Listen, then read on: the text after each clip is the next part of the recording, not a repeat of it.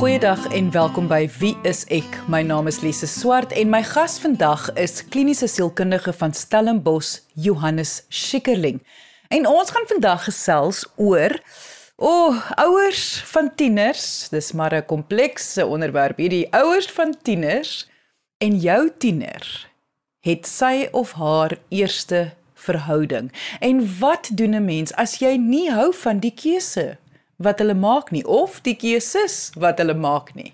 Hoe kan jy hulle help om miskien beter keuses te maak? Hoe kan jy seker maak dat jy nie jou eie gevoelens projekteer op jou tiener se verhouding nie? Of baie dinge gaan vandag bespreek word. Indien jy enige vrae het, onthou jy kan ons kontak deur ons webwerf gaan net na www.wieisek.co.za. Maar kom ons luister nou eers na my gesprek met Johannes Schikkerling oor tieners en hulle verhoudings. Johannes, kom ons vat hierdie somme van die begin af. En en ek wil vra, moet ouers hulle kinders van 'n sekere ouderdom af al begin leer van verhoudings en hoe om 'n verhoudingsmaat te kies en daai goed? Dis dis 'n baie belangrike vraag want kinders is die hele tyd besig om eintlik opsommings te maak oor verhoudings, hoe dit werk, het dit sosiale verhoudings. Hulle hou natuurlik ook ouers dop om te sien hoe hulle verhouding, jy weet romantiese verhoudings is en natuurlik is ouers die beste voorbeeld vir 'n romantiese verhouding. Maar wat vir my amper die belangrikste is van hierdie spesifieke onderwerp is dat kinders nie weet hoe om verhoudings, romantiese verhoudings te begin en te weet hoe om dit uh jy weet wat is die reëls en regulasies, hoe om dit te uh, onderhou nie, wat is die regte en verkeerde ding? Want hulle sien dit byna nooit. Hulle sien nie hulle ouers in 'n begin van 'n verhouding nie. Hulle sien wanneer hulle ouers wanneer hulle gewoonlik alreeds getroud is of al 'n paar jaar in 'n verhouding is. Dis net met uitsonderings waar mense geskei is byvoorbeeld en daar's nuwe verhoudings dat hulle dit kan moontlik kan observeer. Maar andersins is die kennisvlak wat kinders het bloot dit wat hulle maatjies sê of dit wat hulle op die TV sien en ons weet beide van hierdie is nie noodwendig die beste advies nie en kan selfs gevaarlik wees. So dit is van kardinale belang dat ouers kinders in kennis stel oor wat is die norme, wat is die reëls en regulasies wat ons het rondom verhoudings begin? Wat is die verskil byvoorbeeld tussen 'n maatjie en 'n girlfriend? Want ek weet as hulle klein is dan hulle noem sommer mekaar girlfriend en boyfriend maar ons weet hulle is eintlik nog te klein om regtig hulle is eintlik net goeie maatjies en dan lag groot mense vreeslik daaroor. Maar ons weet nie hoe ernstig kinders dit opneem nie. Die ander baie belangrike ding is die nuwe wêreld waarin ons leef. E, en hier praat ek spesifiek van tegnologie en dan meer spesifiek sosiale media. Sosiale media het 'n enorme impak veral op hierdie tipe verhoudings want hierdie tipe verhoudings gebeur nie net meer waar mense uh fisiese kontak met mekaar het nie. Dit gebeur nie net meer tussen kinders in dieselfde skool nie, maar dit is eintlik nou wêreldwyd waar enigiemand jou kind as hulle 'n foon het kan kontak en 'n romantiese verhouding met hulle wil kan begin. En daarvoor het kinders spesifiek leiding nodig.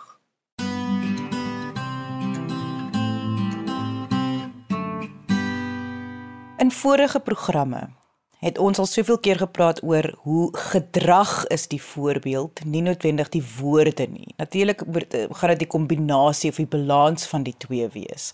En toe jy nou sê dat uh, kinders hou heeltyd hulle ouers dop en dat jy as ouer is eintlik maar die voorbeeld van wat 'n verhouding is, het my hart omtrent gaan staan want ek het gedink, o, gedigtig sê nou maar ek het 'n kind gehad.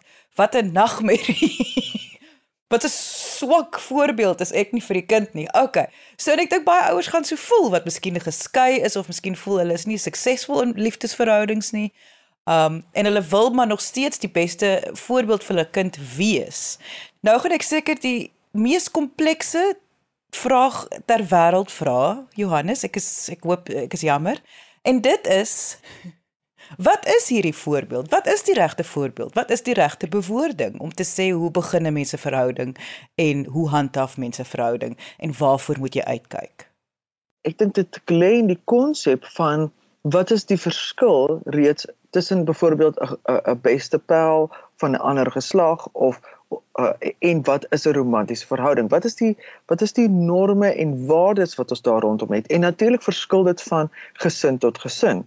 Jy weet uh, uh, as as dit 'n Christen gesin is, het hulle sekere normes en waardes. As dit 'n ander tipe gesin is, dan het hulle weer ander normes en waardes. Maar dit is so belangrik dat ouers hulle self opvoed om hierdie verhouding te verduidelik aan hulle kinders en nie om te hoop dat kinders outomaties maar dit net sien nie want die wêreld daar buite is bloot net te riskant. Dit is te gevaarlik. Daar's te veel mense wat op die oomblik kontak met jou kind kan hê.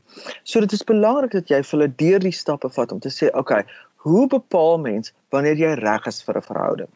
Hoe bepaal mens wie is die tipe persoon wat jy in 'n verhouding wil hê? Hoe bepaal mens um, of iemand regtig belangstel in jou en of hulle net jou wil gebruik? Hoe bepaal mens of dit net 'n vriendskap is? Um as jy wel in 'n verhouding is, wat is die goeders hoe jy mooi na jouself moet omsien? Uh en nie net val van die een verhouding na die volgende verhouding nie. Wat is die eienskappe van 'n gesonde romantiese verhouding? As dit ons teen die wêreld is, dan moet jy jouself afvra, is dit regtig 'n goeie verhouding? Ja, dit voel dalk baie lekker. En dit is belangrik dat ouers ook hierdie belangrike aspek van die lekker gevoel wat daarmee saamgaan, beide omarm sodat jy jou kind kan ondersteun daaroor. Ons is bly jy het 'n verhouding, ons is bly jy geniet dit, maar ook die gevare daarvan uh bewus maak vir die kinders. En veral soos ek vroeër gesê het met sosiale media. Wat is die reëls? Wanneer stuur ek watter tipe boodskap? Sê net maar hy vra vir nudes. Sê net maar sy vra vir prentjies waarmee jy nie gemaklik is nie. Hoe hanteer ons dit?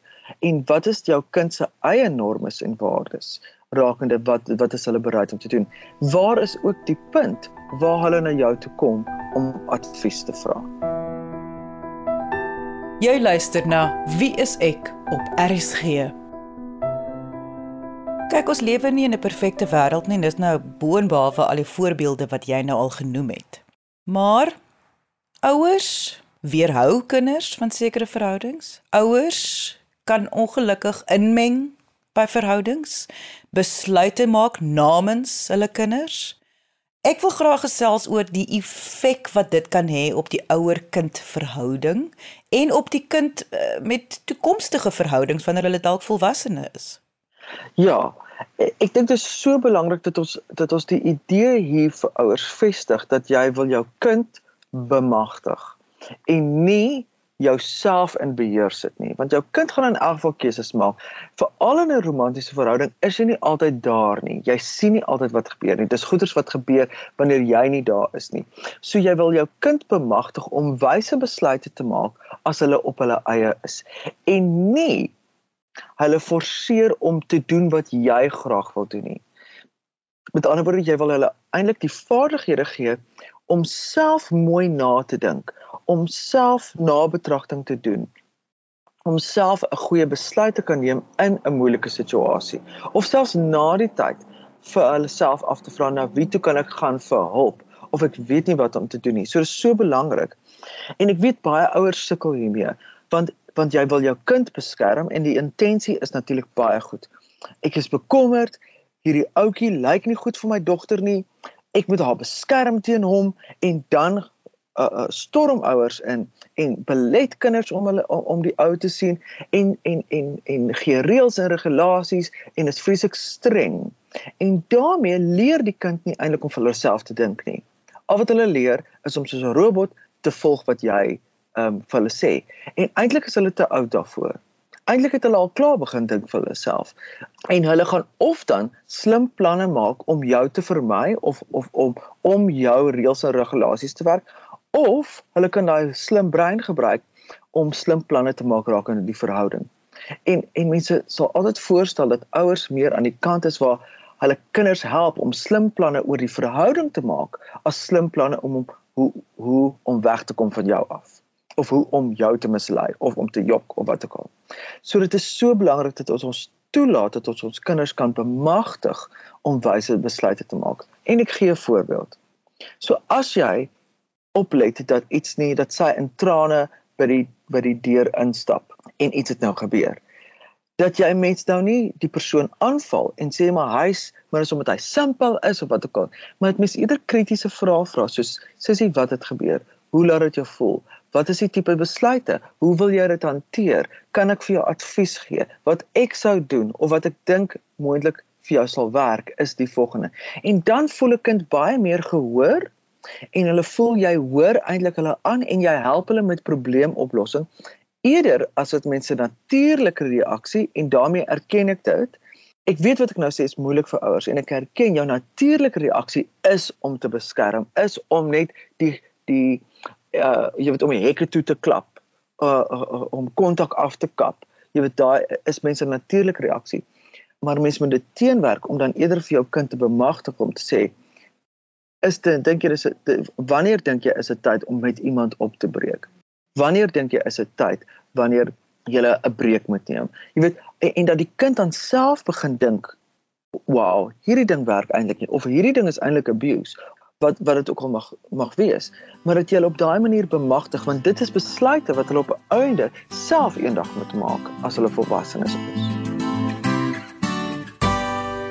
Ek dink altyd wanneer dit kom by ouers en tieners dat Shakespeare het nie vir net vir ons Romeo en Juliet geskryf nie, hoor? Dit is die beste voorbeeld van daai ouderdomsgroep, die tieners wat sal rebelleer teen die ouer en die ouers se reëls en hulle eie pad volg tot die punt van belaglikheid van selfmoord. Ek bedoel ek sê nou nie tieners sal nie, maar ek bedoel dit is dit dit dit, dit is baie mooi uitgebeeld hoe belaglik 'n tiener kan dink en hoe obsessief liefde is so groot. Ja, en onthou dis die eerste. So hulle het nog nooit so iets fantasties ervaar nie. Dit is so 'n dwelm, né? Hulle dit is die mees fantastiese ding en al wat hulle sien die ouers doen is jy neem my van hierdie wonderlike gevoel af weg. Jy neem my weg van die persoon wat so fantasties is. So so dit is so belangrik dat ouers dit in gedagte hou dat dit regtig die die teenoorgestelde kan regtig gebeur. En ons weet van baie tieners wat in karre klim en wegjaag, wat die huise verlaat, wat wat gekke dinge doen vir hierdie fantastiese gevoel en glad nie geondersteun word deur hulle ouers nie en dis net voel as een opsie en dis om weg te gaan. Johannes, jy het in die program al ernstige voorbeelde genoem van wat tieners wat regtig vir die eerste keer en erg diep verlief voel Selfs al weet ons volwassenes dat dit is nie die eerste of die laaste wat hulle dit gaan ervaar nie, maar vir hulle is dit die die alles. Maar dat daar kan ernstige situasies wees. Daar kan byvoorbeeld mishandeling wees en jou kind wil nie wegbeweeg nie. Dit kan jou kind wees wat iemand anders seer gemaak het. Daar kan baie ernstige situasies wees en jy as ouer het geen beheer daaroor nie want presies soos ons sê 'n tiener gaan rebelleer teenoor wat jy probeer vir hom of haar sê. Hoe hanteer 'n mens dit dan op die sagste moontlikste manier om wel deur te drink? Jy sê dit voel vir my amper soos om deur te drink na iemand wat verslaaf is aan alkohol. Hoe 'n mens dit doen is so moeilik.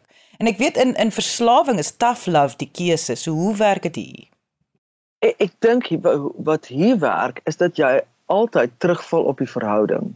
So as jy 'n goeie verhouding met jou kind het, dan is dit 'n natuurlike bonus want jy kan altyd terugval op daai verhouding.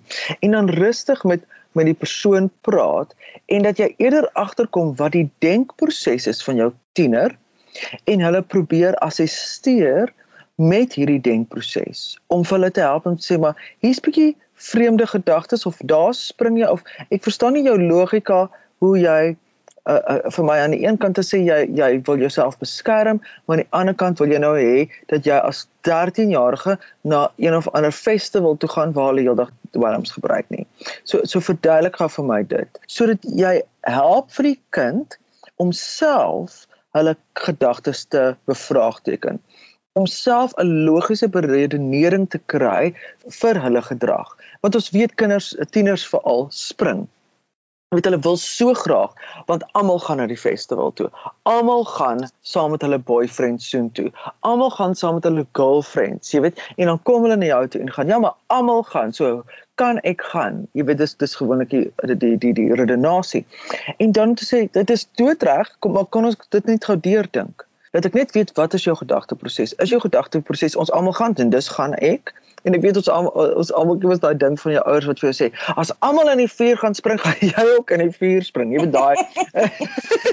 en dit is eintlik my ouers se manier om vir jou te probeer um uh wys dat jy kan nie net alles daai peer pressure ding, jy weet jy kan net alles volg wat jou vriende doen nie. Maar jy moet eintlik krities daaroor dink. Is is dit vol, volgens my normes en waardes? Is dit 'n veilige plek vir my? En en as dit nie is nie, hoe gaan ek dit veilig maak en wat is die goeders wat in plek moet sit ensovoorts ensovoorts ensovoorts. En daarmee saam, as jy 'n goeie verhouding het met jou kind om ook vir hulle te sê, ek hoor jou gedagteproses, maar ek voel nie gemaklik daarmee nie, want en dan kan jy mooi vir haar verduidelik. Nie net sê ja of nee nie. En, en ek dink dis waarmee ouers geweldig sukkel. Hulle is bederf met 'n kleiner kinders wat as ek sê ja, dan is die kleintjie net so okay mamma, dis reg. Of of nee, okay mamma, dis reg en bevraagteken dit nie baie want hulle het nog nie eintlik die verbale vermoë daarvoor nie. En tieners het natuurlik, jy weet hulle beklei mos nou in hulle backchat en hulle ja, maar dit ook al. So jy het eintlik nie meer die luks om te sê ek sê nee, hoekom? Want ek sê so nie.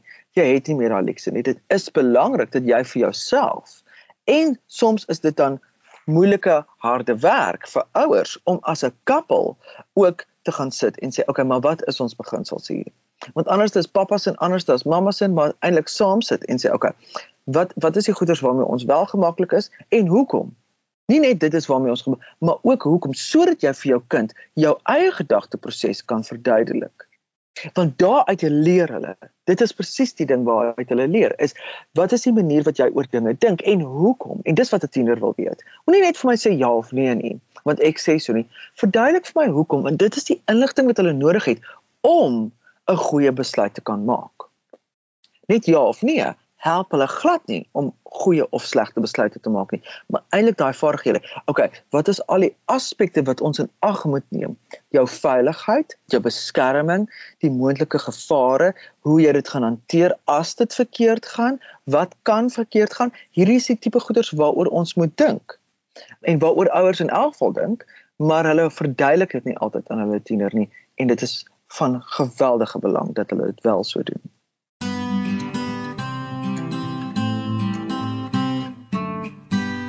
Johannes aan die begin het jy gesê, kyk, dit gaan daarop neerkom dat ouers gaan eers self moet evalueer hulle eie siening van verhoudings, hulle eie ervarings van verhoudings en wat wil hulle weergee vir hulle kinders. En natuurlik gaan daar nou ouers wees wat nou al klaar binne in hierdie warwoel van chaos is.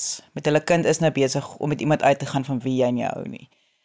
Soos ons al gesê het, jy gaan nie beheer hê daaroor nie. Al die advies wat ons vandag gee, is maar net om kommunikasie te hê om soveel as moontlik te weet en om jou kind te kan beskerm en ondersteun, maar jy gaan nie kan jou kind wegkry van iemand nie. Nie sommer nie. Jy gaan nie jou kind kan forceer om 'n keuse te maak. Dit dit gaan nie gebeur nie. Wat moet jy dan met jouself doen? Jy as die ouer, wat moet jy binne jouself Ek wil amper sê jou jou jou jou zen kry van jy gaan hierdie moet laat gaan jou kind moet nou self val. Jou kind gaan self hier moet deurkom. Hoe hoe kan jy jouself dan help om bietjie terug te staan? Ek dink wat baie belangrik is hier is de, is dat ouers bewus raak van hulle eie angsvlak. En, en mens moet verstaan dat as jou kind hulle self in 'n ding ingooi wat nie goed is vir hulle nie, dat alle ouers se angs opskiet. En dan soms as gevolg van die hoë vlak van uh, angs, doen mense dan gekke dinge as jy nie mooi dink daaroor nie, as jy nie beheer het oor jou angs nie. Dis wanneer die bekleierery gebeur, wanneer jy skree op jou kind, want jy wil beheer uitoefen op iets waaroor jy eintlik nie beheer het nie. So dis belangrik dat ouers eers bewus raak van daai angsvlak wat hulle het en vir hulle self 'n 'n 'n vaardigheid aanleer hoe om kalm te word rakende dit. daarmee saam is om te kyk wat is my emosionele kwessies, issues en wat is regtig besig met my kind te gebeur. En vir ouers is dit baie moeilik. Ons sê dit baie keer baie maklik, maar dit is 'n geweldige uitdaging vir alle ouers is om te weet wat is my ervaring van verhoudings en wat is regtig besig om met my kind te gebeur. Want baie keer projekteer ouers hulle ervaring op kinders. Met ander woorde, dis moontlik 'n ma wat al in veelvoudige verkeerde verhoudings was of in verhoudings was waar daar mishandeling was. En dan projekteer sy dit op haar dogter. Sy gee vir haar dogter advies asof haar dogter al mishandel is of asof sy mishandel word in hierdie verhouding. En, en dan voel tieners werklik asof hulle nie raak gesien word nie. En dan voel hulle amper afgeskeep. Want mamma spreek nie aan wat my realiteit is nie. Sy spreek aan wat haar realiteit is en sy doen nie die moeite om regtig haarself in my skoene te sit om te weet wat my realiteit is nie. En, en baie keer kla tieners, eh, die tieners wat in my kantoor sit, kla daaroor dat ek het al hoeveel keer vir my ma gesê of vir my pa gesê en hulle hoor my nie. Want ouers hoor net hulle ervaring. En natuurlik jy wil jou kind beskerm om nie dieselfde ervaring as jy te hê nie, maar dit is nie hulle ervaring nie en jy moet op hulle vlak kan praat. Jy moet op hulle ervaring kan inleef. Jy moet op hulle waar hulle nou is met hulle verhouding, moet jy kan kan hoor, kan luister en kan insaag lewer op daai vlak. En nie net jou eie goed, jou eie ervaring projekteer en maak asof jou kind jou lewe geleef het nie. Hulle het nie. So dit is 'n geweldige groot vaardigheid wat ouers moet hê.